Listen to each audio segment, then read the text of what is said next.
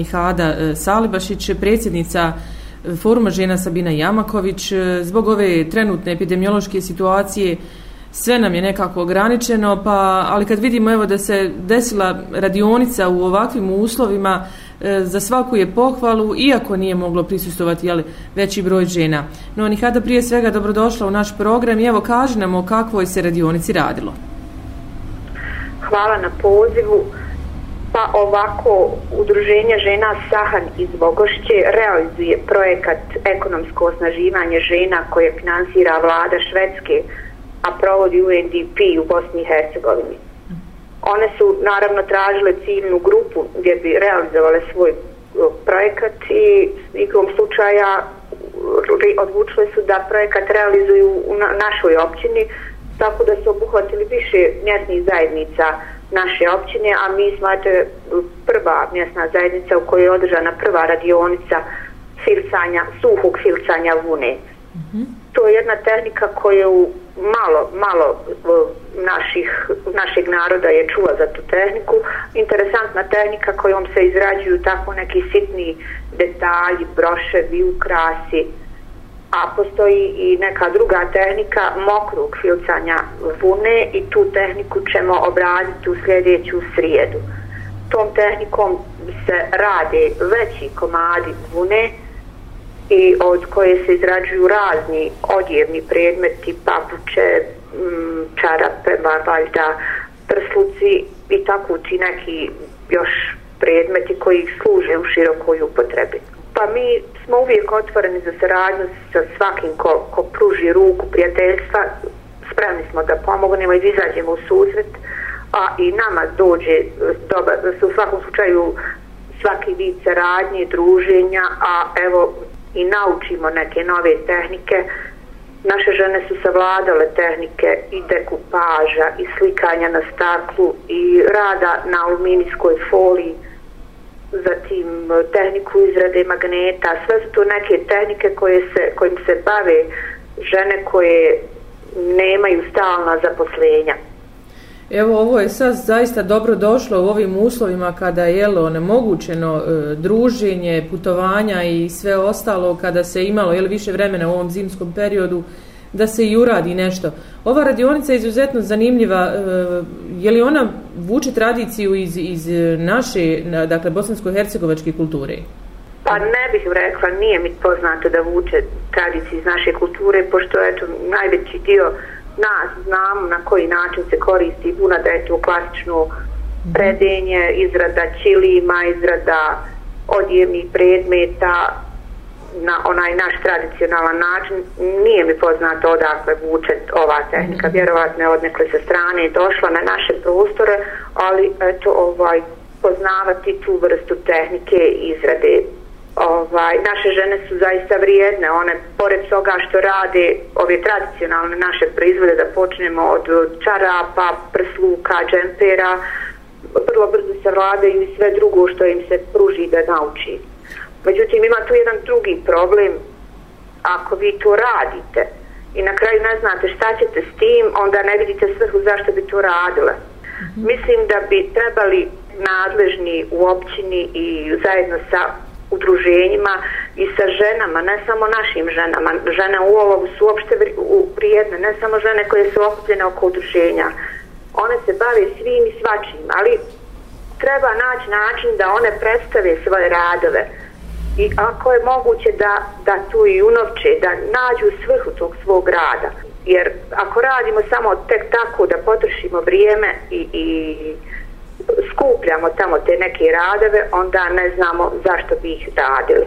Dobro, sada je situacija takva kakva jeste, onemogućeno je okupljanje više od 20-30 osoba, sve je prešlo nekako na online i na ove E, na ovu tehnologiju, možda da se razmisli i na ovaj način da se predstave jel, proizvodi jel, iz vašeg domena rada, ako ništa drugo, bar na društvenim mrežama, evo i ovo je jedan od načina jel, da se pomogne promocija tih, tih radova i radionica. E, koliko je žena učestvovala konkretno evo, juči na, na na radionici i je li moguća ta tehnika da se prenese evo, od tih koji su učestvovali na radionici i na druge žene koje nisu mogućnosti, naravno kad se steknu uslovi?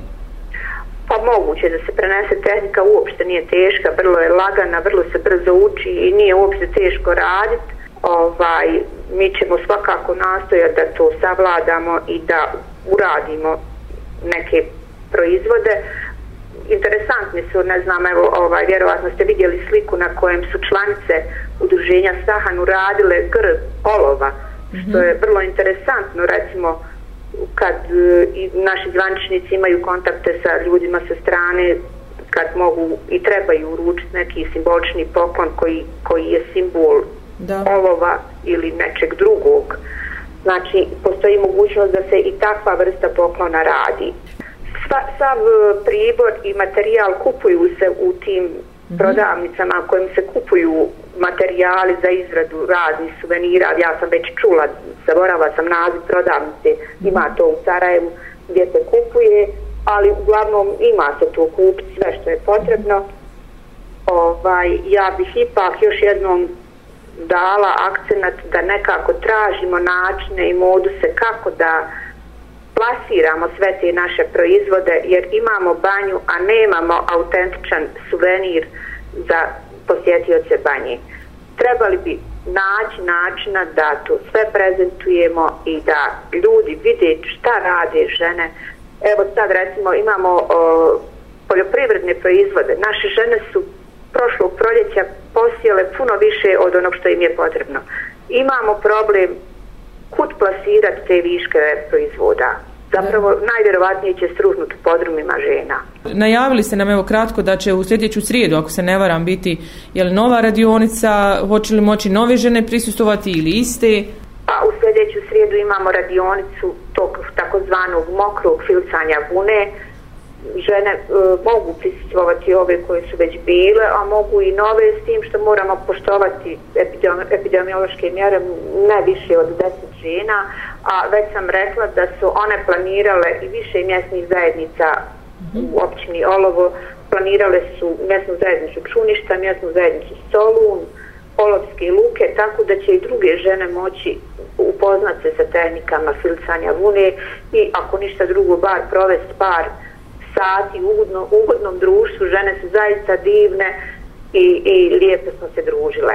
Osim toga stvorili smo novu, novi kontakt i nadam se da će biti još neke saradnje, pogotovo što one dolaze iz glavnog grada, iz e, sredine u kojoj je sve nekako dostupnije nego nama, pa nadamo se da ćemo nekim zajedničkim snagama i zajedničkim trudom imati priliku postići nešto više. A evo, vjerujemo da će se iznaći način i mogućnosti kada se steknu jeli, uslovi, kada ovo se prođe, da se sve to lijepo prezentuje. Do tada e, mi je potrebno jeli, vrijedno raditi i, i nastojati jeli, sve ono što ste naučile da ako jednog dana prezentujete. Pa da, mi, mi već odavno se susrećemo s problemom plasmana i prezentacije naših proizvoda. Mi smo još prošle godine bile planirale da održimo sajam koji bi nosio naziv možda plodovi jeseni u olovu gdje bi prezentovale poljoprivredne proizvode, njihove prerađevine, ručni radovi i sve ono, to ne bi bio sajam u kojem bi se predstavile samo žene iz našeg udruženja, nego bi pozvale sve žene i svi mjesni zajednica da pokažu šta radi, čime se bave, da otvorimo neke nove puteve, neke nove mogućnosti, neke nove saradnje ukoliko bi to bilo moguće. Ma svakako, sve će biti moguće samo da prođe ova nesretna pandemija e, i da jel, budete žive i zdrave. To je nekako u ovom trenutku naj, najbitnije. A svima nam je to da. sad najbitnije i nadamo se da će, evo, stigle su i vakcine, pa valjda će valjda ćemo dočekati da i ovom pogledamo u leđa. Baš tako. Evo da, kad smo već na, na, na, u razgovoru, da pomjenete, evo, na čemu trenutno radite? Imate li projekata, proljetne sjetve? Znamo da su žene, evo, pomenuli ste lani, zasijele dosta toga. Imate li proizvoda koje biste možda mogli plasirati? Možda da vas kontaktiraju, evo, pozovite. Pa što se tiče proljetne sjetve, evo, ovaj, mi smo imali neke sreće, stupili smo u kontakt sa Turskom humanitarnom organizacijom TIKA i ona će nam pasirati, odnosno donirati 28 paketa sjemena za naše članice, a uz to imamo još neku donaciju kojom ćemo moći ovaj, kupiti nešto rasada za naše žene. Pa eto, ovaj, nije, nije malo smo eto, u finoj poziciji da možemo bar ženama omogućiti da na proljetnu sjetvu gledaju malo vedrije, pošto znamo kad dođe proljeće da se tu izdaci malo veći, oranje, trezanje, kupovina sjemena, bar na ovaj način ćemo malo ublažiti te troškove. Da, ogromni su troškovi. 28 paketa, napomenite nam za koju je to kategoriju, dakle, to, ni, to je vjerovatno za žene nezaposlene ili...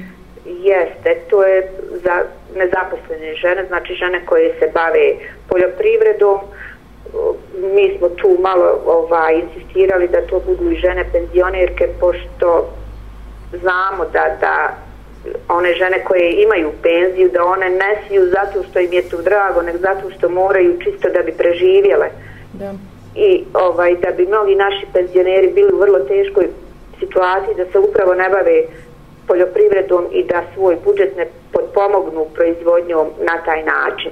Da, ova godina će po svemu sudeći biti još teža, tako da e, ono što zasijemo i budemo imali svoje, to će nam zaista biti od velike pomoći uvijek je bilo u ovim teškim vremenima kad ljudi ostaju bez posla, kad su, kad su plate, idu nadole, svakom slučaju dobro dođe.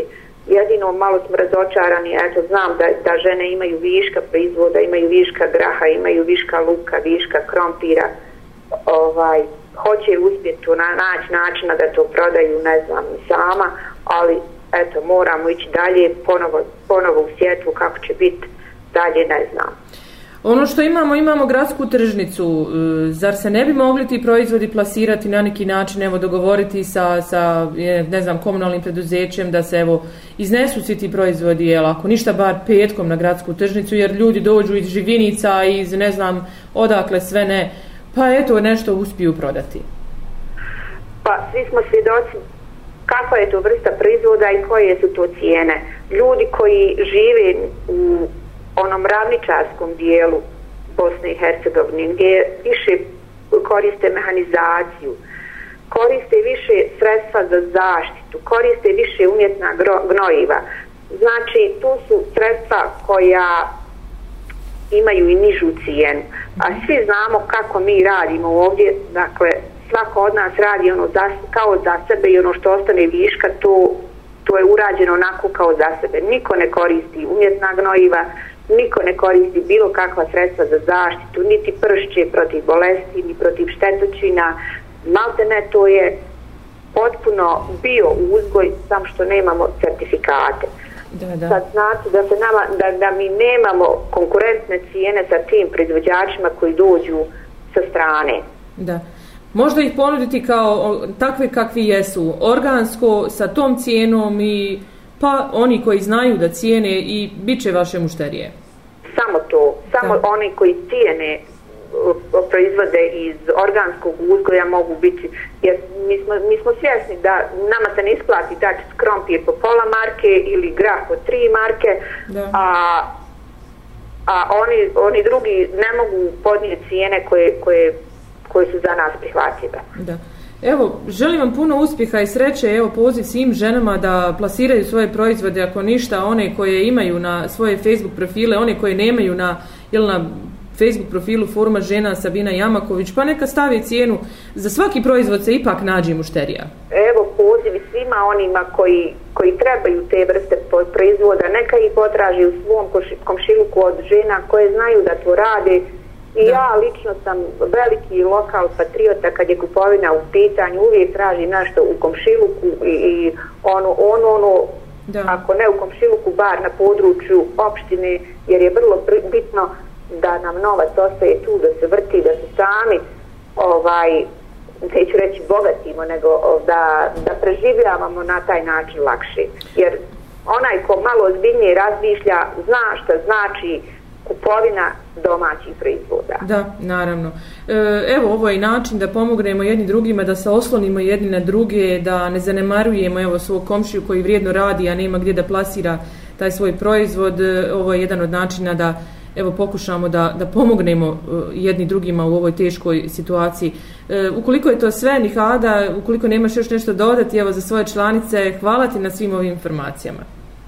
Pa, pozdrav za sve slušalce, a posebno za sve vrijedne žene olova koje svakako svih ovih godina od 92. pa, pa preko i ovih poratnih godina zaista vode vrlo tešku bitku. One su nosioci i stubovi svojih porodica i samo one znaju kako sastavljaju kraj s krajem i dobro ga sastavljaju. Evo, ovaj, svjedoci smo da mi nemamo nekih težih slučajeva, da možda zato što smo i solidarni, što se međusobno pomažemo, ali uglavnom ovaj, nemamo teških socijalnih slučajeva kako imamo u nekim velikim gradovima. Hvala ti puno evo, na ovim informacijama. Do, evo, do sljedećeg e, susreta i javljanja želim vam sve najbolje i da evo ono što naučite i steknete jel, kao rutinu jel, u tim radionicama da to bude jednog dana iskorišteno. Hvala lijepo i još jednom pozdrav za sve slušalce Radio Olova.